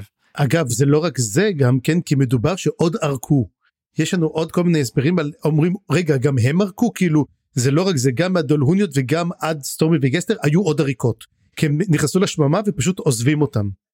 כן נכון אבל אני חושב יכול להיות שהעוד עריקות שדיברו עליהם זה הדלהוניות אז אני לא מהמם. לא לגמרי הבנתי אם היו עוד עריקות חוץ מזה. לדעתי סך הכל הצבא עדיין אה, אה, מקשה די טובה. שים לב שאגב אני לא יודע היסטורית להגיד על הדבר הזה אבל לדעתי בצבאות אה, בעת העתיקה וזה ובימי הביניים לדעתי היו הרבה יותר ריקות מאשר אה, פה ושם כמה. לדעתי זה היה משהו יחסית אה, די די מקובל לא יודע מקובל אבל די אה, נפוץ שאנשים עורקים לא? זה היה היה קורה יש למשל את הספרים אה, של ברנרד קורנוול שמדבר על מלחמות אז אתה יודע אתה אוסף צבא מהעם מ... אתה יודע או אנשי זה אתה יודע ואחרי כמה זמן פתאום אם יש מצור פתאום חלק אומרים אני צריך לטפל בשדות שלי אז ביי או יש דברים שאני צריך אחרת לעשות אז כן עוזבים את הצבא כאילו עורקים כאילו אם אתה לא מצליח להשיג תוצאות מהר אין כסף אין אוכל ביי אני הלכתי מה מה מה, מה אתה מצפה שאני אמות פה. כן לגמרי זה זה מפתיע אותי שלא יותר ארכו עד כה למרות שבוא נפתח פה גם סוגריים כשנדבר על בליסטיג יכול להיות שכן רוכש פה משהו מתחת לפני השטח ונדבר עליו גם. Mm-hmm. אוקיי אז אז בוא נדבר רגע נחזור לשיגל ולכל הסיפור עם קוויקבן ופידלר פידלר וקוויקבן מתחילים ביניהם קצת מתח ואם היה לנו עד עכשיו את הכאפה של טורנט אז בוא נדבר גם על החבטה של פידלר לדעתי זה היה חלק, חלקים המוזרים שהוא חובט בו עם הקסדה ומהמם אותו אה, כדי שיחכה שם עד שתבורת תגיע כי הוא לא כל כך אה, מעוניין לתת תשובות. וזה גם מגניב לשמוע איך קוויקבן לא כל כך רוצה לדבר עם תבורי כי הוא אומר כל דבר שאני אומר לה היא לכאורה כבר יודעת שזה מעניין כאילו לתבורי יש עדיין איזשהו ידע מקדים ידע פסיכי שאנחנו לא יודעים היינו בטוחים שזאת תיאמבר אה, וכל הדבר הזה עד עכשיו שנתן לה את הידע אבל לא תבורי יודעת המון גם מעצמה או דרך משהו אחר והם כולם גם מדברים על זה שיש כמות לא מוסברת של נשגבים בשממה וכל מיני כוחות הם מזכירים את התלנימאסים מזכירים את הג'גותים וכן אז אז יש פה קטע די מישהו אמר קונברג'נס וואלה קונברג'נס. אגב לא האמת הקטע עם הג'גותים היה מצחיק שהוא מדבר אתם אומרים כן יש גם נשגבים אומר ומה עם ג'גותים כאילו צוחק אמר מה עם ג'גותים אז הוא אומר אה כן אבל ספרנו 14 והם קצת יותר שמה והוא כזה מין אוקיי אני לא אצחק יותר. כן. למה שאלתי לגמרי. טוב אז בוא בוא נדבר קצת על קנב והמפגש המוזר שהיה לו עם בליסטיג. ואנחנו כבר מזמן יודעים על בליסטיג והמצב שלו. הרי בליסטיג אה, משחק לכיוון ל... כן. אצל האל הנכה לא? הוא הרי uh, קיבל ג'וב מהמבשר שלו. נכון. ואני תוהה לעצמי אגב אם לכאורה לפי מה שאנחנו מאמינים עכשיו תבור uh, הולכת לעזור לאל הנכה אולי זאת לא כזאת uh, למרות שאנחנו לא יודעים אם האל הנכה מעוניין בעזרה הזאת אבל אולי זאת לא כזאת אה, לא כזה ניגוד אינטרסים כמו שחשבנו עד כה. שבליסטיג אה, מה אם האל איתו כן אבל מה אם האל הנכה מקבל את הכוח שלו מברן וברגע שנתקו אותו כבר לא יהיה לו כוח. וזאת למעשה הדבר והוא לא אומר לא אני כן רוצה בעצם להישאר ולהרכיב ולעשות את כל זה. מה אם הוא לא רוצה שנתקו אותו? מה אם הניתוק שלו יפגע באלים בעצם תבורי הולכת נגד כל האלים עצמם. אולי אה, זאת גם אופציה אני לא יודע אני לא יודע מה בדיוק הולך לקרות אבל אנחנו יודעים שבליסטיג mm-hmm. מאבד את זה כבר הרבה זמן. וקנב כבר מתחיל לחשוב גם uh, להחליף אותו הוא חושב על כל מיני אופציות חושב על קיינדלי uh, ואני כבר מת לראות את Fist קיינדלי. אם זה יקרה אני מאוד uh, מאוד מאושר כי קיינדלי זאת טיפוס וגם uh, אצלו כבר מתחיל לחלחל העניין הזה של גסלר וסטורמי ערקו אצלו וכל העניין הזה עכשיו אני רוצה להגיד.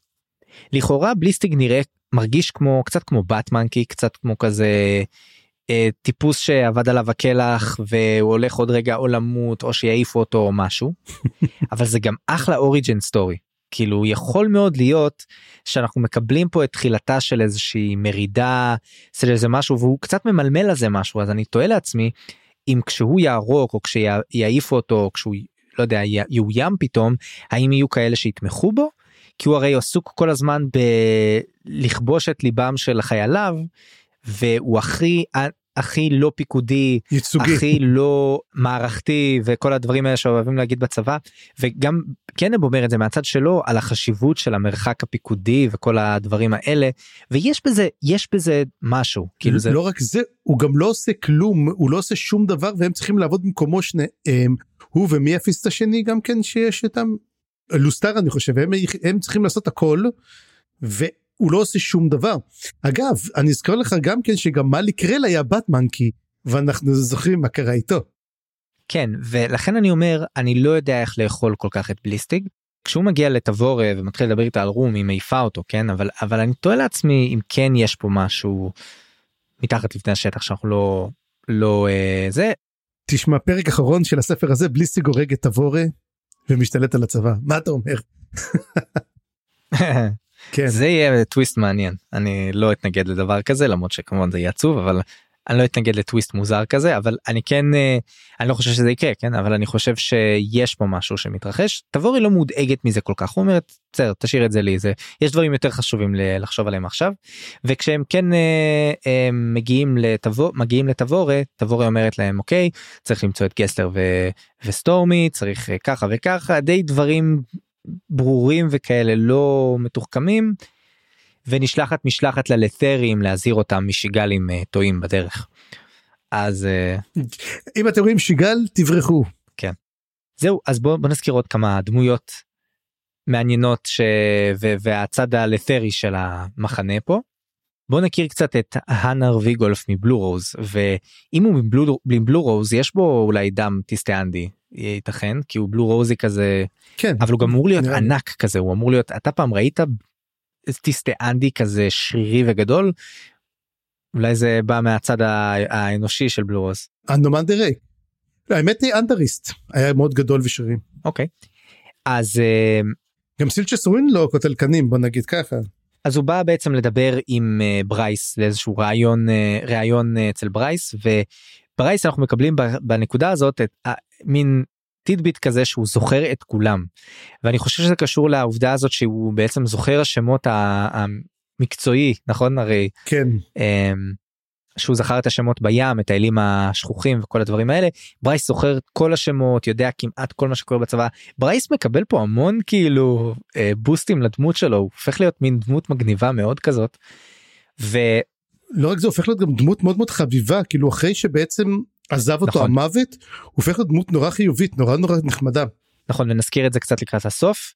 והנה אז אז הנער הזה מתאהב קצת בלוסטר העיל שהיא הגיעה בשביל להזהיר את הלת'רים ממה שאמרנו מתבורה והם uh, מאוששים בעצם את העובדה הזאת שמדובר בקצ'יין וגם uh, הם משתמשים בזה שהנער שם בשביל לשמוע ממנו את הדבר את מה שקרה בעצם האגדה של רדמאסק ומה שקרה בעצם באולדן כי הוא היה מוצב בדרין והוא היה הליאזון בין הצבא הלית'רי ללנסרס. Mm-hmm.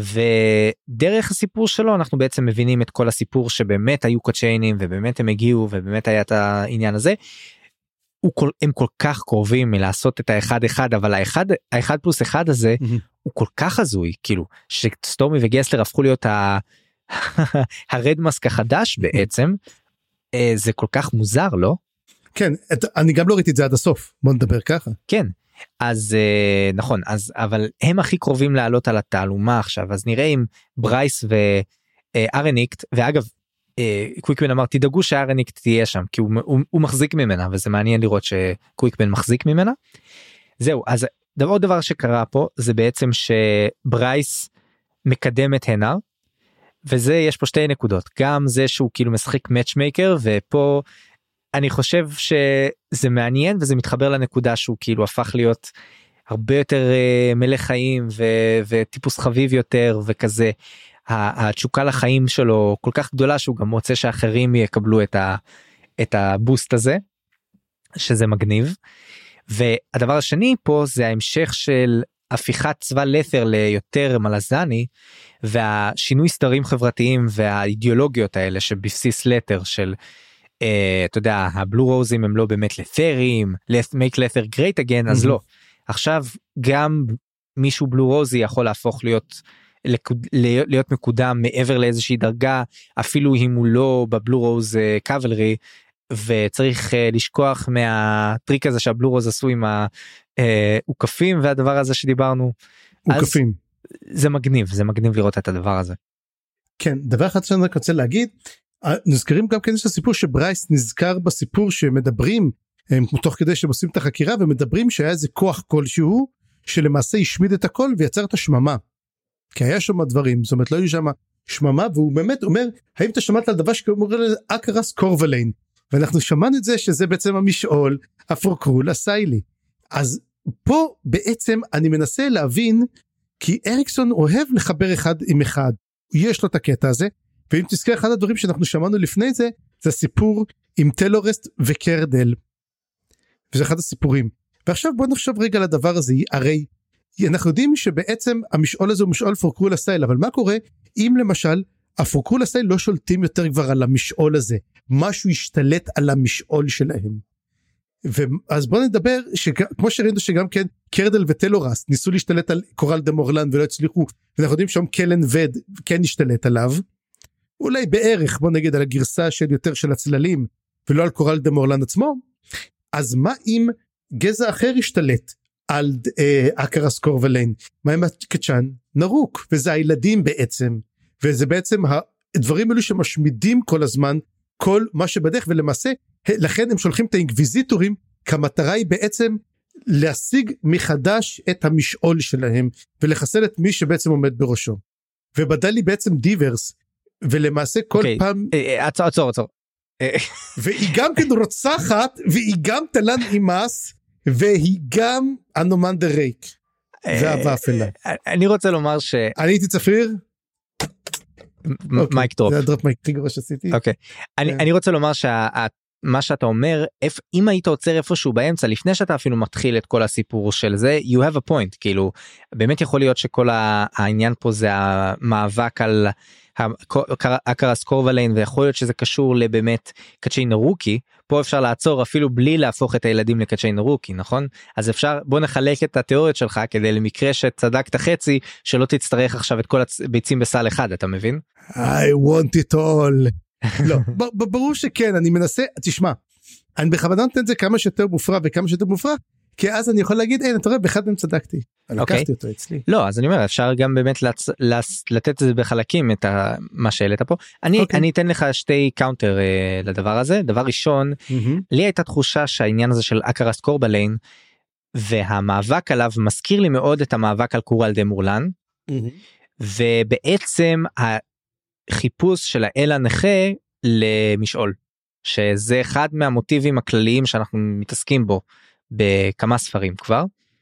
ואני רוצה לחשוב שאולי זה קשור אולי הוא זה שהשתלט עליהם אולי משהו כזה. למרות שאני כן אוהב את הגישה כן, של קצ'יין ארוק. אבל כן. צריך לזכור דבר אחד הרי למה האל הנכה רצה משעול. הוא רצה אותו כדי להשיג מקום בחפיסת קלפים. בסופו של דבר גנוס פרן נתן לו את חפיסת הקל... את מקום בחפיסת הקלפים מבלי שיש לו משעול אפילו. הוא למעשה לא צריך. אבל האם זה לא יעזור למאבק שלו שיהיה לו גם משעול? אה, זאת השאלה הגדולה. והאם, והאם הוא לא נלחם על קורל דה מורלן אחרי זה? איפה גנוס פרן? רגע סליחה איפה גנוס פרן? זאת שאלה זו שאלה נהדרת אנחנו אני חושב שזה איפה גנוס פרן הוא אמור היה להגיע. טוב אני תחכה לספר העשירי נראה או שהוא יגיע כקליפנגר בסוף הספר הזה. גנוס פרן! אני כן מתגעגע לבחור.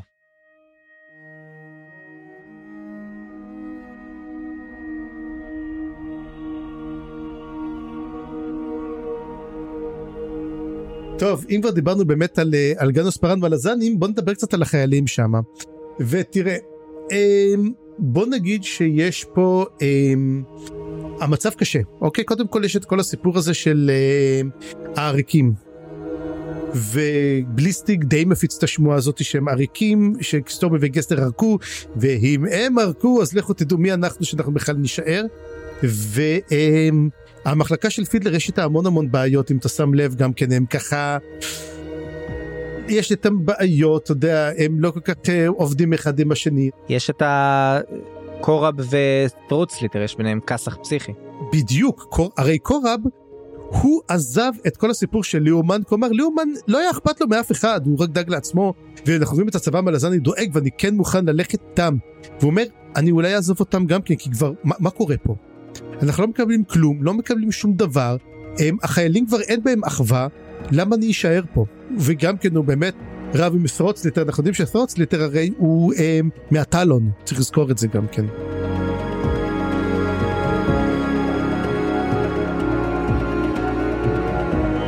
יש פה באמת את הקורב כאבן בוחן לשינוי שעובר הצבא המלזני באמת. כן. והנה באמת הסיפור גם כן הסקנרו שממשיכה לרגל אחרי רות'ן גד ורות'ן גד ממלמל אקרס קורבלנד בשנתו. אני לא יודע אם בשביל להסביר כמה הוא כל כך מעבר לזה, אתה יודע, מישהו אחר. כן, אני חושב שזה לגמרי לא גריימן, אני חושב שזה אל כלשהו שתופס מקום כמו שבאג תפס מקום, גם הוא תופס מקום. אה, ולמה הוא בעצם מדבר על זה. בוא, כל ה Old Guard הם לא בדיוק אנשים רגילים, אוקיי? מהמם. אה, אבל האם הוא, הם אמורים לדעת מה זה אקרס קורבליין? לא יודע. לא, אבל הם אה, מתקרבים אליו, בגלל זה הוא מתחיל לדבר, כי הם מתקרבים אל המשעול ההוא. אז משם זה כנראה מגיע. כן, והוא ממלמל על עוד דברים, אבל הם לא כל כך ברורים, היא לא, או לפחות היא לא מעבירה את זה באופן מהמם. ברור, לפי מה שהבנתי. כן, אז זה קיינדלי כמו שאומר, אומר, לא, תעזבי אותי, בדיוק יש לי, אני הולך לעשות, לעבור על האוסף מסרקים שלי. זה, זה הוא אומר, הקטע. כן, הוא מצליח שכל- להסביר לה שזה קשור אולי למשעול עתיק, הוא כן מבין את החלק הזה, שזה מגניב לראות את קיינדלי שפחות או יותר מתעניין רק במסרקים, אה, מדבר על זה. כן. כן, ואם כבר דיברנו על קיינדלי, צריכים לדבר גם על פוז, אז אה, מישהו, אה, בוא נגיד פוז מנצל את ההזדמנות שלו להפוך להיות רס"פ בשביל לאגור את כל הציוד אליו, כי זה מה שרס"פ עושה. שוק שחור. שוק שחור, אה, מי מדבר פה שוק שחור? ילדים זה דרק. ואז מה שקורה מישהו מגיע דופק לו מכה על הראש וגונב לו ציוד והוא אה, מדבר בדיוק עם איך קוראים לו עם הדג' דד הדג' שאומר לו רגע אני צריך קצת ציוד וזה והוא אומר לו תשמע אה, תמצא את מי ש... איך זה? שדד אותי ואני אתן לך את זה ואז יש את הבדיחה שאומר לו אה אני יודע מי עשה את זה הוא עושה איתו איזשהו סכר איך אומר לו מי עשה את זה? נו זה נפריאס ברד. ואם אתה זוכר זה נפריאס ברד זה אותה running gag שרצה כבר כל הספרים שיש את החייל ה... שאף אחד לא ראה אותו נפריאס ברד שבע מטר גובהו מרביץ לכולם משתלט לבד על לת'ר וכל הזמן מדברים עליו אז זה נפריאס ברד או צפריר. מה אז אני רוצה עכשיו אה, לספר לך ולמאזינים שבטח לא כן. יודעים או לפחות אלה שלא דוברים רוסית. ברוסית יש מילה אה, אה, שנקראת בריאד ובריאד זה כאילו שטויות שטויות מצוצות מהאצבע אוקיי או, או הזיות כאלה אז אז אני אני רוצה להראות להציע הצעה לקרוא לו מעכשיו נפריאס בריאד כי פשוט זה זה משהו כולם אתה חושב שאני יכול להגות את זה יפה כמוך בריאד או היא מצוין נפריאס בריאד יש. נפריאס בריאד. נפריאס בלאט. יאללה הפכתי את זה לאי. אוקיי ו- ו- אה, אז זהו באמת אה, מה שקורה ואנחנו מתחילים לדבר קצת יש לנו עוד קטע קטן על דלהוניות שהדלהונים עצמם יושבים מדברים אתה יודע על כל הסיפור הזה שם ובאמת אה, סינטר חושבת על אחותה וככה שבעצם תבור די קלטה את הסיפור שלהם והיא הלכה איתה. כן היא באה אליה היא באה לדבר איתה אבל זה קרה מאחורי הקלעים אז זה מגניב לראות שהיא דווקא כן. אבל כן זה סיפור קטן אנחנו רואים בעצם את ה... בוא נגיד את הסוף של מה שקורה שם והצצנה האחרונה שזאת הייתה צצנה שאותי מאוד הפתיעה שגסנר וסטורמי מתעוררים והם נמצאים במחנה עם קליף והם בהתחלה מנסים לחפש הם, את השפה המשותפת ואז הם מגלים שהיא מדברת איזושהי שפה ברגהסט מה, מה היא מדברת? trader tongue trader tongue trader tongue היא מדברת ואז היא ואז היא אומרת להם שלמעשה הם, עכשיו זוכרים שדיברנו מי בעצם יהיה ה Mortal Sword וה Shield Anvil תכירו סטורמי וגסלר והם למעשה הופכים להיות הדברים האלו כי הם אש והם יכולים לעזור לה. ולפני שהם אפילו מחליטים לדעת לעשות מה לעשות שם הם אומרים שיש מלחמה. בעצם הם מר- מראים מרחוק משהו מגיע ואומרים אוי ואבוי לאיפה נכנסנו את עצמנו? וזהו וסגרו את הפרק. וזה היה וואחד קליפהנגר. לגמרי. יש על זה טיפה הערות. דבר ראשון זה גם לי עשה קצת אה, וואו מאיפה זה הגיע למרות שתהיתי על עצמי למה ששיגל ייקח אותם. מאוד דאגתי שהם מתו אבל מצד שני אם, אם זה היה להרוג אותם למה לא להרוג אותם באוהל ולהשאיר אותם? אז כנראה שהם מהמם. היו צריכים אותם למשהו. אז קיבלנו תשובה. אבל כן היה לי פה קטע מוזר וזה העניין הזה של חלוקת התפקידים. הרי אם גם כמו שקליף אמרה סטורמי הוא סדן המגן וגסלר הוא החרב יש על זה סוג של בלבול גם בינם לבין עצמם וגם אה, יש אזכור אה, גסלר מזכיר לסטורמי שמישהו בעבר קרא לו Mortal Sword. האם זה משהו שאנחנו מודעים לו כי משהו מדגדג לי שכן היה משהו אבל אני לא זוכר מי קרא לו ככה. ואם כן אז מי זה היה אתה זוכר משהו כזה? אולי גרנטל אני לא בטוח. כן זה הגיוני אגב זה שהוא עם החרב זה גם uh, הגיוני שהוא יהיה Mortal Sword סטורמי נכון הרי יש לו את החרב של הט'לאן אימאס שהוא שומר עדיין מהמם. אי שם מהספר השני. רגע לא באו לקחת לו את החרב בסוף? אה באו לקחת אותה? אבל עדיין יש לו חרב גדולה לא? זאת השאלה. וואטאבר. אה, כן נראה לי שלקחו אותה עכשיו שאתה אומר. לא זוכר חברים וחברות אה, שמעו אני מבולבל מהפרק הזה אבל מצד שני היה לי מעניין הפרקים היו מגניבים יש לי שאלה אתה רוצה אולי להגיד מה לזן קורה פה? אה, לא אני שומר את זה לסוף של התקציר בפרק בפרק הבא. אה אוקיי. ספוילר אלרט ספוילר אלרט. אז זהו רגע לא לפני זה עוד אתה אנחנו צריכים להגיד זה הפרק הפרק כן, הבא זה כן. פרק אחרון לעונה התשיעית אבל וואו אנחנו מגיעים לסוף הספר. בהחלט מגיעים לסוף הספר אני מת כבר לראות מה קורה הגיע בדואר הספר העשירי ואני מוכן ומזומן ייי. וזהו לטאטה. בפעם הבאה נקרא את פרקים 23 ו-24 ונסיים את הנתיב בו לעולם נצעד וגם את החלק הרביעי וגם את הספר אבק החלומות הספר התשיעי בסדרה. אני חיים גורוב גלברט אני צפרי גרוסמן.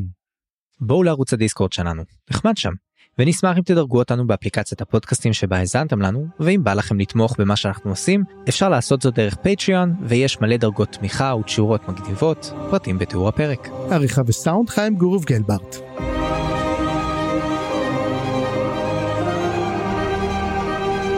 הצטרפו אלינו לדיונים בקבוצת הפייסבוק מה לזן קבוצת קריאה.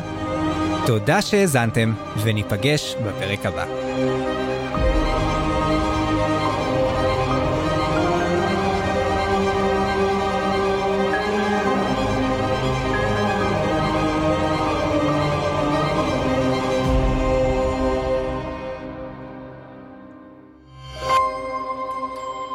היזיון, הסכתים פנטסטיים